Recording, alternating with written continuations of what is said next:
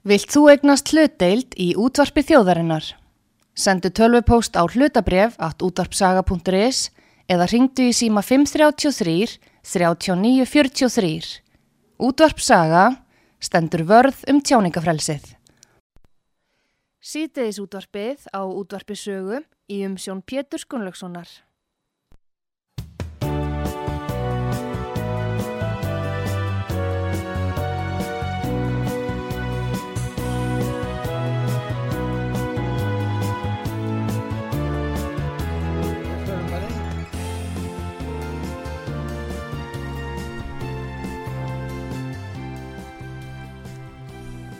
Góðir eh, hlustendur, þið er að hlusta á útvart sögu.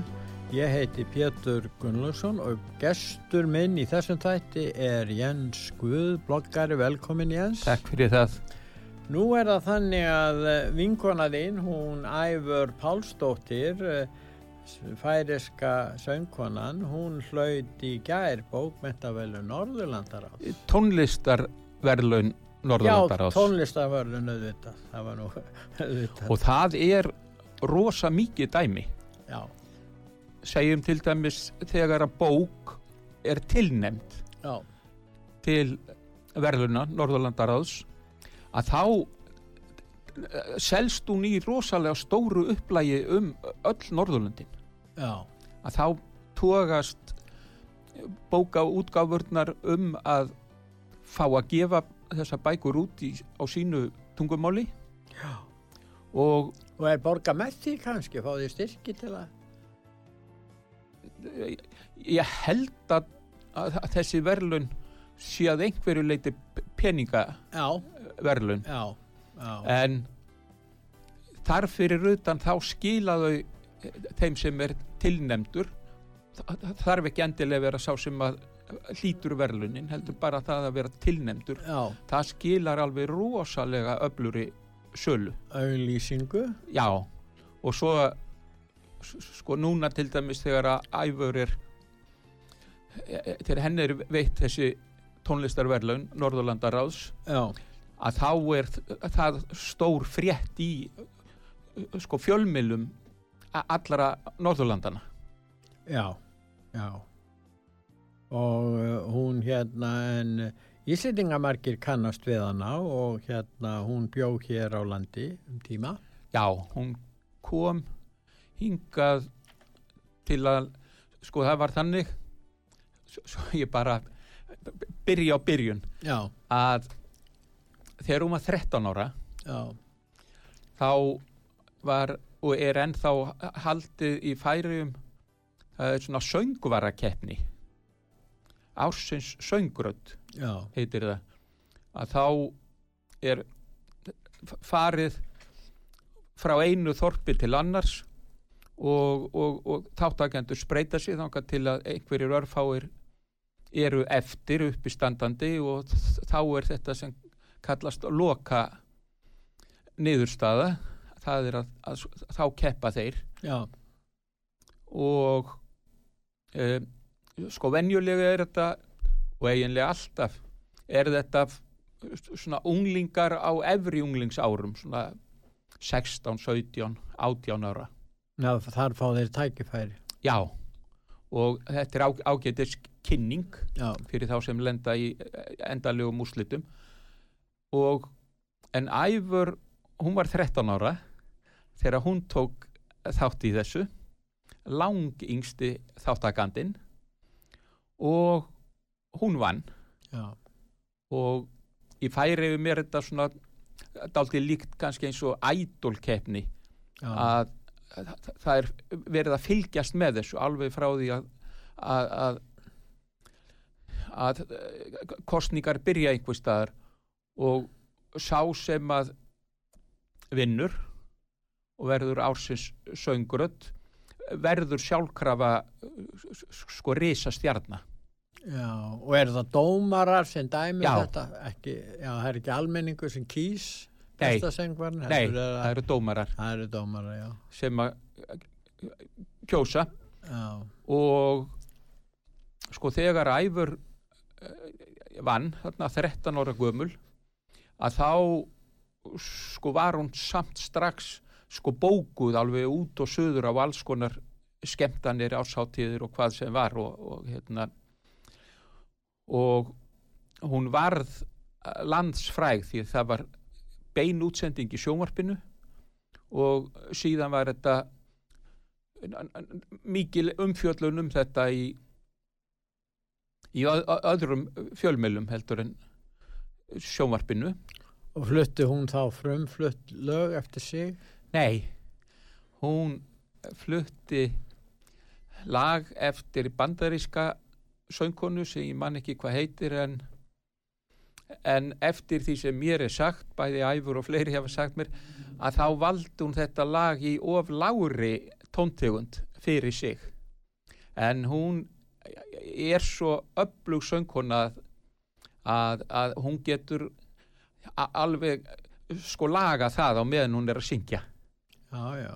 en um, um svipa leiti þá var hún hún var búin að hérna sko stopna hljómsveit Já. sem heit Reverb og þetta var svona rock hljómsveit að spila lög eftir Led Zeppelin og Bob Dylan og einhverja Já. fleiri sko og ekki nóg með það heldur þá var hún líka skunni frá götu þorpinu sem er þúsund manna þorp að, að þá var hún búin að stopna barnakór í þorpinu og, og, og þessi kór kom víða fram. Og svo var hún einni í kór í fugglafyrði sem er hérna, stutt frá götu. En þegar hún var búin að vinna þarna ársins söngrödd að þá skömmu síðan sko, hún vinnur það 13 ára en 15 ára þá er hún komin í tvær hljómsveitir. Önnur hétt Clickcase og hefur spilað á Íslandi oftar en einu sinni. Rosalega flott hljónsveit sem spilar svo kallað trip-hop músík Ah. og þessi hljómsveit varð svona stórveldi í færiðum þetta var fyrsta færiðska svona dægulega hljómsveitin eða rockhljómsveitin sem varð atvinnu hljómsveit að, að liðsmenn unn ekki við neitt annað heldur en að spila með þessari hljónst klikkheis Tónlistamenn höfðu þá bara verið áhuga menn í færi. já Já. og á sama tíma samt þó að aðrir í hljómsdynni væri ekki að vinna neitt annað en með þessari hljómsveit að þá stopnaði æfur aðra hljómsveit sem að var eh, svona jazz hljómsveit já svona bl blandaði saman jazzi og vísnasöng og þessi hljómsveit hétt Ivory sem var svona Æfur er, já. Já, þetta var svona-. Já, og líka sko orðarleikur út af nafni ævarar, Já, einmitt. Æ- Ivory. Og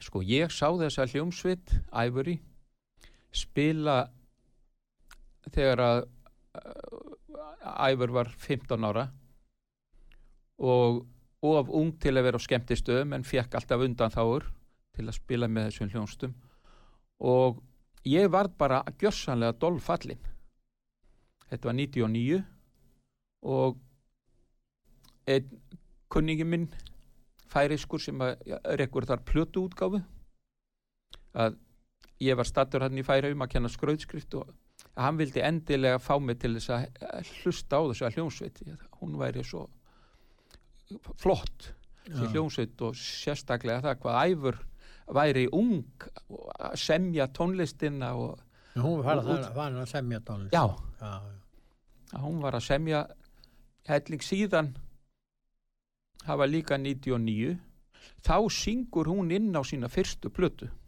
15 ára gömul. Að uppistu til frumsamin lög og í hennar útsetningum og það sem að sko vakti mikla aðtigli var að uh, hún sótti daldið í sko færeisku kvæðahefðina ringdans stemmingar og, og, og svoleiðis og blanda í því saman við jazzin en fram að þessum tíma þá var svona eins og færeskir unglingar dálítið svona skömmuðust sín fyrir gömlu kvæðalögin. Já, fannst þau hallarslega. Já, þótti þetta vera einhvað sem frekar tilheyrið gömlu fólki heldur en, heldur en ungu fólki. Og en þessi plata ævara, soloplatan hennar hún seldist í fjögur þúsund eintökum í færi. í Færeyjum og Það lítur að vera með. algjört met og þetta er enn í dag söluhæsta platan í Færeyjum Já, já. og þeir hafa sagt mér að til dæmis strákarnir í vikingametal hljónstinni tí að þeir voru að vinna plötu þar sem þeir voru svona daldið að stæla bandaríska þungarársljónsveit sem að heitir Metallica. Já, og um, sem er frægilum. já, mjög svona leiðandi aflít þungarokkinu. Og þeir þegar þeir heyra það að, að hvernig æfur var að tækla þessi gömlu kvæðalög og það allt saman og þeim fannst þetta svo flott hjá henni og svo þeir sáu hvað platan hennar mókaðist út. Að þá ákváðu þeir að bregða á leik og taka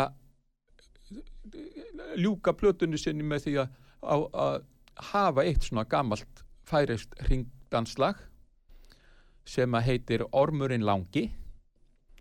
Og þetta lag sko þeir settu í þungaróks já og þetta lag sló meðal annars í gegn á Íslandi og Já. var fyrsta færeiska lagið sem að sko náði vinsaldum á Íslandi eftir margra áratuga hlje Já, við spiluðum það. já, það var daldið svona á, á sjötta og sjönda áratugnum. Það. Já, að þá voru hérna mörg vinsal færeisk lög. Það voru líka svo margir færeiski sjómenn við Íslandsstrendur. Og, og þannig að það var líka verið að gera vel við þá og, og, og, og þeir líka að byggja um óskalög. En þetta, er- þú manns kannski eftir lögum eins og Rasmus sem var voða vinsælt og Rasmus og Rasmus já, og um, það var náungi sem heitir Simmi sem að söng þetta og þetta var 1958 og það var svo vinsælt hérna á Íslandi að það seldist betur heldur en uh, vinsælustu lögin með Elvis Presley. Á þeim tíma samt var hann á hábúndi já. Já, og, og eins var hérna mjög vinsalt lag með harkaliðinu sem hétt uh, Ólafur uh, Rittararós já, já, og til viðbótar var uh, þarna á sjönda áratugnum mjög vinsalt lag sem hétt Vilfá tevatn og breið. Með hljós, þetta var svona bítla hljónsveit sem að hétt Færauja Boys. En svo bara upp úr 1970 þá bara hæ- hætti að heyrast færisk músík í, í íslensk útvarpinu. Já, já. sem var daldið sérkennilegt og helst kannski í hendur við Akkur, það? Akkur þetta var bara einhver þróun sem að kannski má rekja hluta til að færisku sjómenninir að þeir voru ekki lengur að dóla sér hérna við Íslands strendur og síðan líka sko það var, það kom þarna tímabil út um allan heim það, tónlist var þetta sem kallaðist framsækin progressive, já. það sem var verið að, að Gera tilraunir. já, gera tilraunir og innan eins og sama lagsins voru kannski tvær, þrjár, fjóra taktbreytingar og mikið lagt upp úr miklum gítarsólóum og trommusólóum og eitthvað svo leiðis Mm. en færiðingar tók ekki þátt í þyrri bylgju Nei. að þetta svo kalla framsækna rock bara náði ekki til færi en það var færisk sko tónlist á þeim tíma að hún var svona meira miður við að vera hægt væri að spila hann á dansleikjum Já. og en svo gerist það þarna þetta er 2002 að lægið Ormurinn langi með hljónstinni tí slæri gegn á Íslandi og þetta var söluhæsta platan á Íslandi 2002 Já, já. Og hljómsveitin kom til Íslands og, og, og fór í hljómleikaferð um landið við gríðarlega góða aðsókn. Og svona því ég nefndi áðan að, að fyrsta soloplata ævarar hafi selst í 4000 eintökum að þessi plata með tí hún seldist á Íslandi í 4000 eintökum. Og þar með var hún söluhæsta plata Ársins hérna sko. Nema það að s- sá sem að flutti hljónstina tí hinga til Íslands kallaður Kitty Kanína eða Kitty Hljómalind að uh, ég held að það verið ég sem sagði honum frá því að, að það væri stött hérna á Íslandi unglingsstúlka færisk sem væri alveg óhemju góð söngkona. Alveg óvenju góð. Og hann fór og fór að hlusta á hana. Fekk plötuna hennar Já. sóluplötuna og kolfjall fyrir því. Og þá var æfur sko stödd á Íslandi. Þetta var í áspyrjun 2002 þar sem hún var að læra söng. Og ástæðan fyrir því að hún fór að læra söng á Íslandi var svo að hún var í þessum hljómsveitum í færiðum Click Case og Ivory og var einni með svona solo verkefni að syngja einu og spila á kassagítar. Og hún var eh, búin að ofgera röddinni. Var farin að verða hás. Og þá hérna var Ólöf Kolbrún Harðardóttir sem raks söngskóla Já. að hún var með námskeið í færiðum að kenna söng og æfur fyrr á hennar fund Mm. og segir henni það hvort að hún geti kent sér einhver aðferð til að syngja þannig að hún verði ekki hás. Og Ólöf Kolbrún hún hafði bara aldrei uppgötvað aðra eins hæfileika söngkonu eins og æfuru þannig að það sem hún gerði það var að hún gekk á fund foreldra hennar og tilkynnti þeim það að uh, æfur væri með bara gull uh, barka Já. og hún mætti ekki við því að vera ofreina svona röddina. Því að þá koma hnútar á rattböndin og þá hérna verður söngvarinn hás. Og Ólöf bauðist til þess að taka æfuru með sér til Íslands. Æfuru mætti búa heima hjá henni. Já. Og hún skildi kenninni aðferðir til þess að syngja án þess að og, og, og, fá þess að hnúta á ræðböndin Já. og upphaflega stóð til að æfur ég man ekki hvort hún átt að vera hérna í þrjár vikur eða hvað það var Já. en þetta breyttist í það að, að hún varð hérna í nokkur ár Já. og svo þegar hljómsninn Týr var að spila hérna og Kitty hljómalind byrjar að hlusta á æfuru líka að þá hann er svo stórtækur og djarfur með hlutina þá ákvað hann bara að búa til færeska bylgu á Íslandi fá hljómsvitina hérna, klikkheis Mm.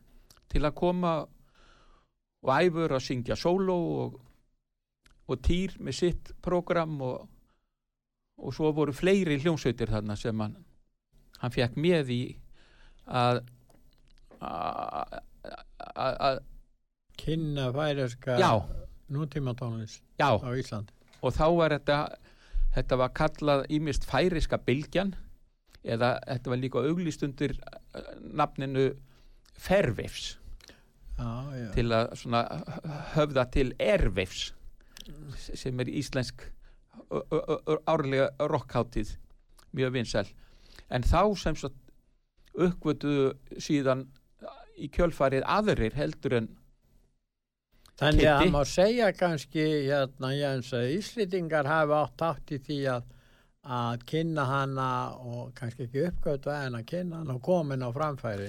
já, sko áður heldur en að Íslendinga fengu að heyra í æfuru Já, þá hafði hana aldrei látið sig detta í hug að hún ætti eftir að sko, syngja utan færiða en svo barast að hérna, Söngun uppalega á færiskur. Hvena fór hann að já, já, nota enskan texta? Það Hún- var ekki fyrir miklu sett.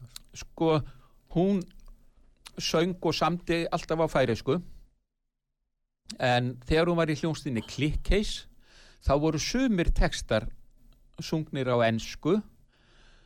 Kannski fyrst og fremst út af því að Karl söngvari hljónstarinnar hann vildi semja á Já, já. en, en það sem æfur samti það samt hún á, á færeisku en uh, svo hérna þegar að Kitty uh, lætur hann að komast að því að hún ætti möguleika að syngja annar staðar enn í færiðum og hann fór að bóka hana í, á, á hljómleika og búa til þetta ferveifs og það allt saman. Og æfur eiginlega bara sló strax í gegn hérna á Íslandi. Og um, um, hún stopnaði hljómsveit með íslenskum spilurum hljómsveit Já. hétt Krákan. Já, já. og hún ætlaði nú bara ekki að trúa sínum eiginu augum þegar hún held sína fyrstu hljómleika með krákunni. Sko án, án þess að vera hluti af þessu ferveifs Já, þetta er bara sjálfstæðir hljómleikar með krákunni og, og krákan var svona mikið til jazzhljómsveit og í færiðum er ein, ekki tróðningur á jazzhljómleikum þetta er nei. kannski bara 10-15 manns sem er að- mæta á jazzhljómleika nema það að svo bara þegar hún mætir þarna til að syngja með krákunni þá var bara tróðið út úr dyrum. Og hún bara fekk eh, nett áfall að uppvita bara hvað gengur á. Hvernig stendur það á svona margir vilja að hlusta á nýju hljónstina mína? Og þessi hljónst var mjög vinsæl og, og, og platan seldist mjög vel. Hún seldist sko í Færegjum og á Íslandi. Þá seldist hún samtals í 10.000 eintökum. Já, sem er mjög gott. alveg rosalega flott. Og þá hafði færeisku tónlistamæður ekki s- s- s- selt svona hátt upplag af, af, af sinni plötu. Þannig að þetta var alveg nýlunda. Fyrir utan það að að svo í hérna, íslensku tónlistarverðlununum Já, að þá var hún sko verðlunuð í bak og fyrir. Já, já. besta íslenska platan, besta íslenska söngkonan. Já, og henni fannst það náttúrulega mjög skrítið að vera kölluð íslensk söngkona sko. Og en var nú samt stolt af því. En samdi hún eh, lög á íslensku einhvern tíman sem hún flutt? hún hefur ekki nei, hún hefur ekki sungið já, sko ekki, ekki samið. Hún talar íslensku? Jó, hún talar íslensku var alveg ótrúlega fljó, fljót að læra íslensku. Já, og hún sko syngur mikið af íslenskum lögum. Já, og uh, hún hefur sungið inn á plötur lög eins og Ég veit þú kemur. Já, og eftir Otger Kristjánsson á sig bæ og, og, og við gengum tvö já, sem er líka einhvað vestmannegarlag og já, já, hún hefur sungið heilan helling af og hún hefur líka sko verið að syngja með symfoníunni svona gömul íslensk Já. dægulög og þetta hefur komið út á plötum og, og hún hefur sungið inn á plötur með ég segi um Ragga Bjarna og já, og bara ímsum sko. Og uh, hún ílengdist hérna á Íslandi til nokkura ára. En þá uh, sko var hún líka farin að ná inn á bara norræna markaðin já, allan. já, að hún var farin að, að, að syngja líka í Danmörku Noregi og Svíþjóð Þetta er nú svolítið stór markaður. já, já, þetta er já, Auk þessir 20 og einhvað miljónir neytendur svona frekar efnaður á þessu markaði. Já, og svo það sem gerðist var að um, hún gekk í norska hljómsveit sem Nú. heitir Vamp og þetta er hljómsveit sem að er svona vísna hljómsveit. Já, uppistöð til sko óramögnuð hljóðfæri. Og en eru fyrst og fremst með frumsamda músík. Mm. og þessi hljómsveit var búin að starfa í mörg ár. Þegar að æfur gengur til liðsveðana og um, og fór að syngja sín lög já, með og það var nú svo skemmtilegt að í eina skiptið sem ég hef farið til Noregs ég man ekki ártalið þá að ég fór um jól og já, þá var plata með vamp með æfuru innan borðs. Þá var hún söluhæsta plata ársins í Noregi. Já, hún satt í fyrsta sæti á norska vinsaldalistanum vikum saman og hún gerði tvær plötur með vamp og, og síðan var hún líka í vamp þegar að þeir voru með mjög vinsælan svona jólaþátt. Þeir voru ekki að syngja jólalög en, en, en þetta var sendt út með symfóníu hljómsveit í jóladaskrá Já, norska útvarpsins og var síðan gefið út á DFFD en þetta er nú ekki það eina sem eh, hefur borið til á ferðliðana rævarar í öðrum löndum að það er danskur svona rap duett sem Já. heitir Nick og Jay að þessi hljómsveit þessi rap duett hann fekk æfuru til þess að blanda ein af sínum lögum tröllaböndin að, að fekk hana til þess að blanda því lægi saman við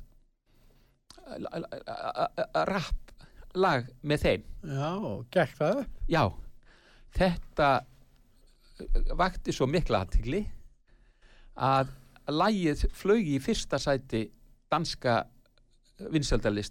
já, og satt þar bara eh, hérna, já, vikun saman.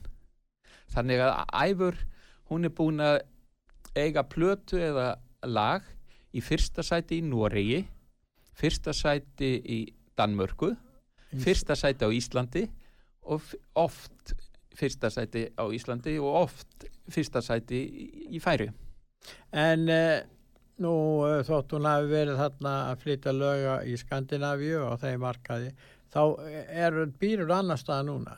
hún býr í Danmörku.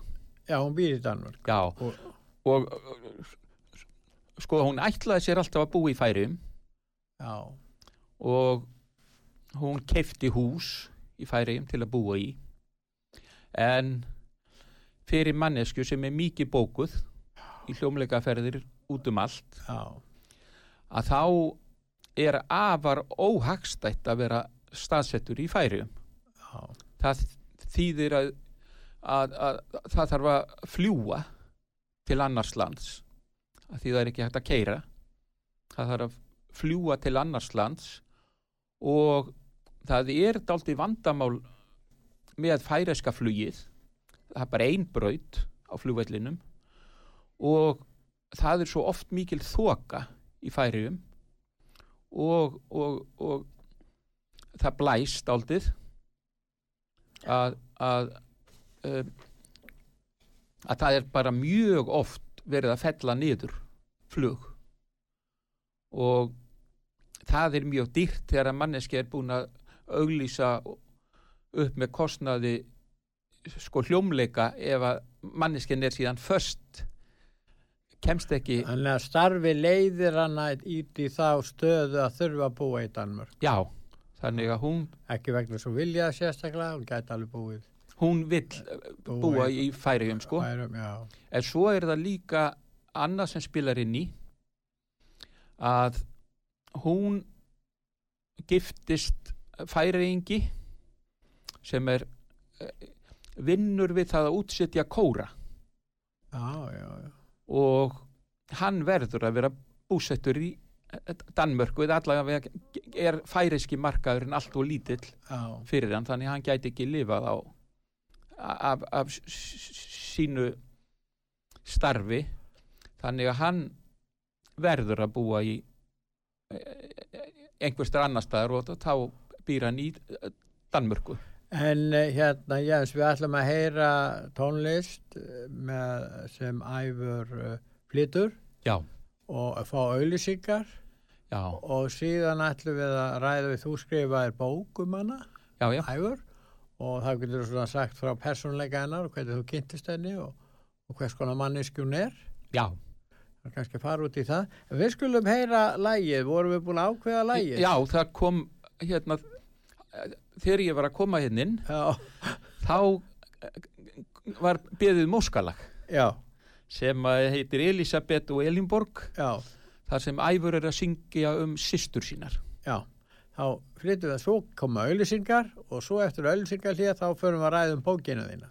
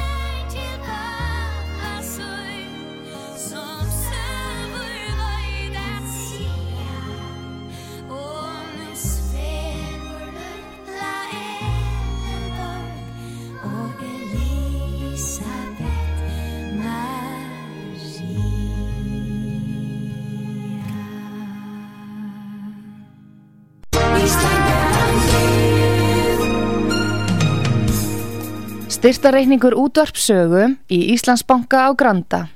Útubú 513, höfubók 26, reikningur 2.11.11. Nánari upplýsingar á útvarpsaga.is. Takk fyrir stöðningin.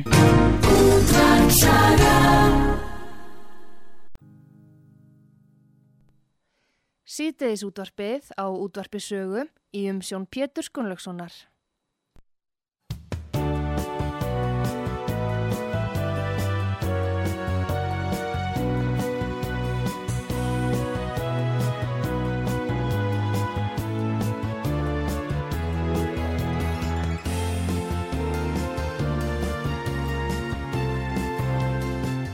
Góðir hlustendur, þið er að hlusta á útvart sögu. Ég heiti Pétur Gunnlaugsson og gestur minn í þessum þætti er Jens Guð og við höfum verið að, fjalla um uh, færiðsku söngkonna Æfur Pálsdóttur en í gæð hlaut hún tónlistarvelun Norðurlandaráðs. Nú uh, Jens hefur ritað bók um, um hana sem heitir Æfur, er það ekki? Jú. Æfur er með yfirtitil Gata Östurei og undirtitil og færisk tónlist. Já, og hérna segðu okkur, þú, þegar þú varst að skrifa bókinu þá hittur hana? Já, ég var nú búin að hitta hana sko áður Já. og oftar en einu og oftar en tvisvar. En þú skrifa náttúrulega um hana og ert, þú ert að skrifa um hana personu og hvers konar Já. mannisku hún er. Sko ég fekk þetta verkefni. Já, að bókaútgafa sem heitir almenna bókaútgafan já, að hún óskaði eftir því að ég skrifaði bók um æfuru og það var bara rosa gaman að fá það, það verkefni. Já, og æfur tók reyndar illa í það fyrst já, að í færi mér eiginlega ekki skrifu bókum mannesku fyrir en eftir, e- e- e- eftir andlótena og reyndar mjög lítið um æfisögur í færiðum en um, hún sko gerði sér grein fyrir því að að í rauninni þyrrt ekki hennar samþykki þó að ég myndi ekki sko skrifa bók algjörli í hennar óþökk. En eh, ég bauði henni það sko hún fengi að fylgjast með hverju skrefi við vinslu bókarinnar og, og hún gæti ritskoðað og, og, og, komið á framfæri sínum aðtóðasendum að að- að hún fengi að bara fylgjast með algjörlega Já, frá A til Ö. Og þá slakaði hún aðeins á já, já, og fjælst á það að, að, en nefndi það samt en þætti þetta mjög asnalegt. Það væri verið að skrifa bókumanna sko. Þetta var, ætli ég hef ekki byrja á bókinu 2011 og Já, hún er fætt 83 sko þannig að hún er einhver starfum þrítugt.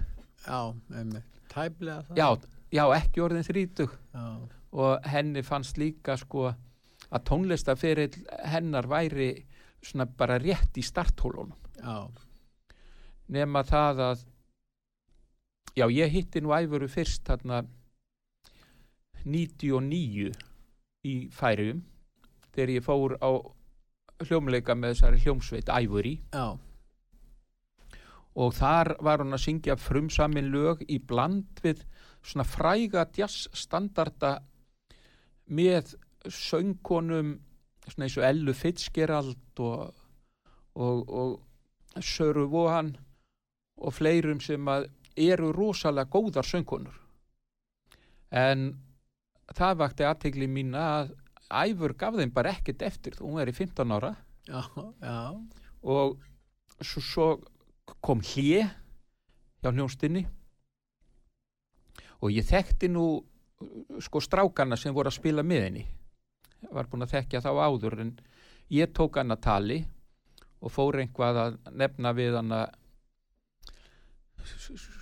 þessar sö- söngkonur Ellu Fitzgerald og Söru og hann og þá saðist hún bara ekki vita hvaða söngkonur þetta væri hún hefði aldrei heyrtið þeim nei, en uh, henni hafi verið gefin bók með nótum þar sem að þessir hérna þar sem þessi lög vo- voru já, í, já, í, í nótna formi og hún var nú ekki byrjuð að læra nótur nei, en tókst samt að stauta sig fram úr svona eh, la- laglínunni. Já, í lögunum og svo bara söng hún þetta eftir sinni tilfinningu. Já, og útkoman var svona rosalega glæsileg. Já, og um, svo fór hún í djassljónsveit aðra sem heitir Yggdrasil og er nú ennþá til já, og hann var að segja mér það sá sem fór fyrir Yggdrasil að, að það veri bara sko galdrar hvað hún sko gæti held sér út í djass alveg án þess að vera með nokkurt bakgrunn í djassi og hafði ekkert verið byrjuð að hlusta á djass fyrir þarna já, já, ní- 99 já, samt árið þetta gömul og aldrei verið neitt að, að, að já þá var hún sko Fylgjast 15 með- ára. Já, ég er að segja það svona já, já. Og því foreldrar hennar voru ekkert í djassi. Þau voru í vísna söng já, já, já, og en sko bæði hef ég nú svo oft farið til færiða á alls konar tónlistarháttir og svo líka þegar að Æfur var hérna í Íslandi sko var alltaf að syngja að, að ég er búin að þekkja hana sko ljómandi vel og lengi já, og um, þegar ég var að skrifa bókina þá komu nú upp ímis mál þar sem að hérna þar sem hún var ekki alltaf alveg sátt við einhvað sem ég var að skrifa. Já, og, og um, hún gerði aðtúasemdir sko ég náttúrulega fór alltaf eftir öllu sem hún sagði. Mm. og, og en sumt þótti mér nú verra að þurfa að sleppa.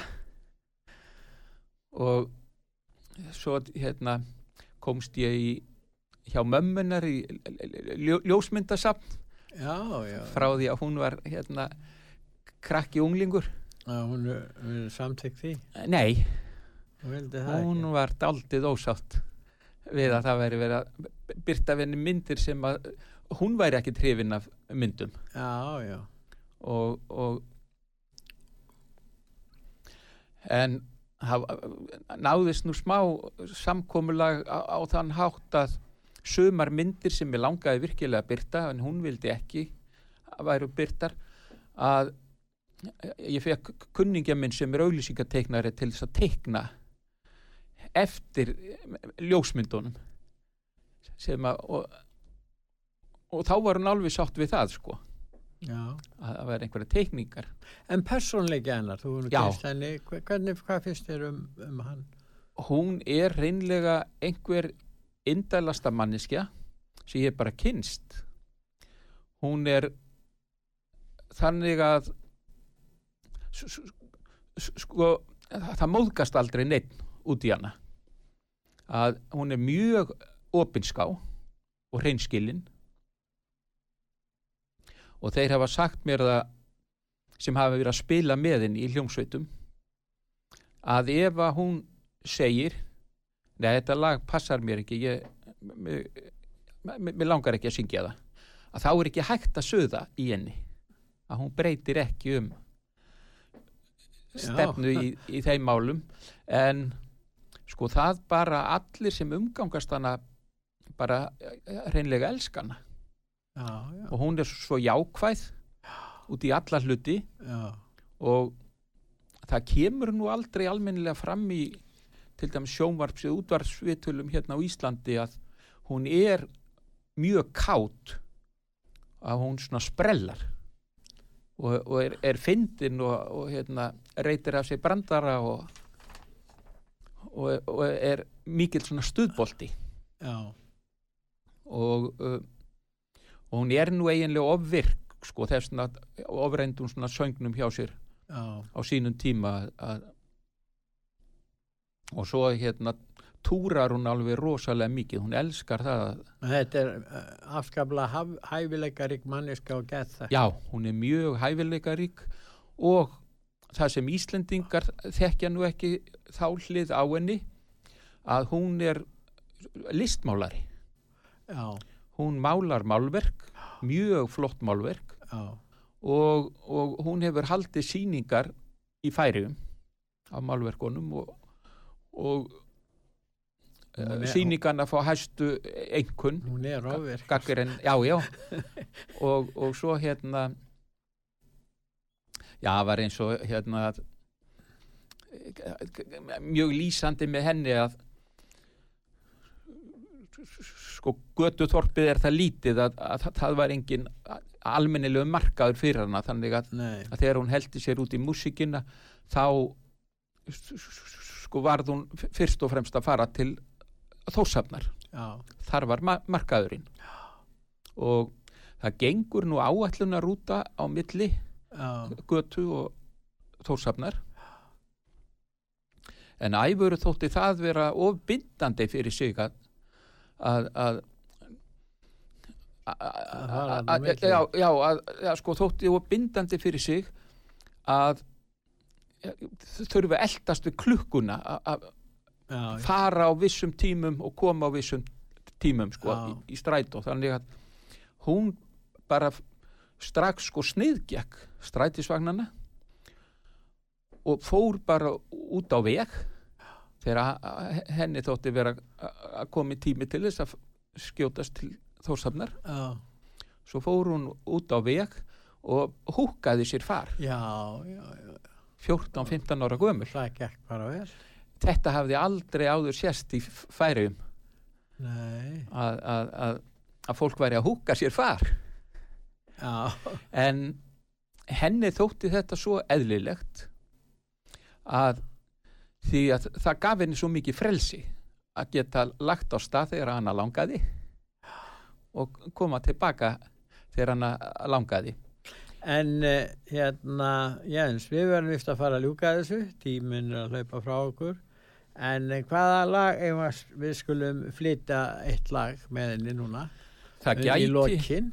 gæti verið gaman að heyra þetta lag sem hún vann með röppurónum Nick og Jay sem hún vann með röppur. já, dönskum röppurum Já, skulum og, heyra og það. þa- það var að þyrra beðinni þeir vildu fá hana til að taka þátt í þessu Þess- lagi Þessi bókdinn, hún fæst í bókabúðum, er það ekki?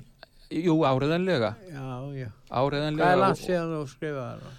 hún kom út 2013 2013? en ég byrjaði að skrifa hana 2011 Æmi, því þetta var náttúrulega sko mikil heimildavinna já, ég þurfti að tala við mjög margt fólk og, og, og já, og eins og fá myndir æmi. ljósmyndir og, og, og, og, og fleira og síðan að því ég hef nú áður skrifa bóka þá maður þarf að sko maður getur ekki treyst 100% á viðmælanda varðandi ártölu eða fleira þessar. Nei, að það er of algengt að fólk misminni Já. um ferilsinn sem einhverju nefnir þannig að, að, að, að, að maður þarf alltaf að fá staðfestingu. Einmitt.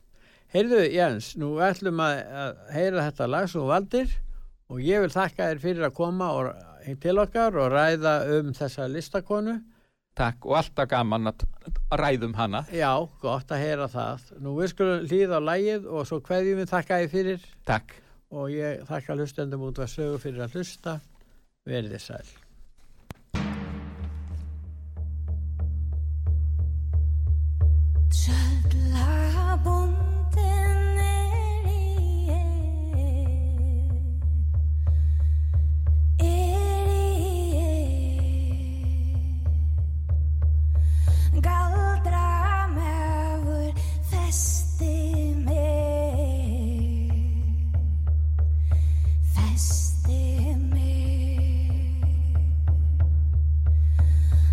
Fantasi rækker længere end min forstand. Men jeg bliver nødt til at se min virkelighed an Det er som om vi render rundt i det ren kaos. Selv jorden vi betræder, den er træt af os.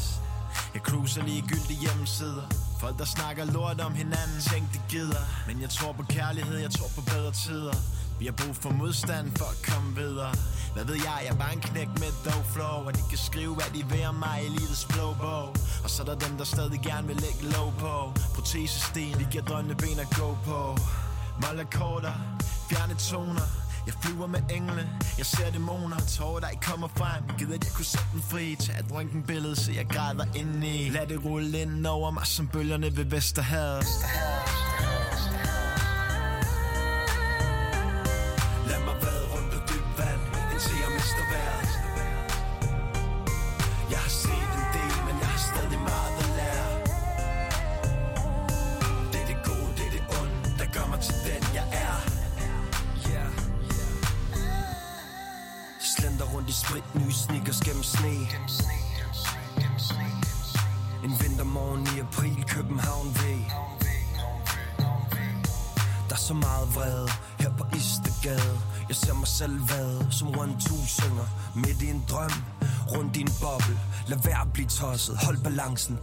Det hustle Alle har det godt her, se med hvide øjne.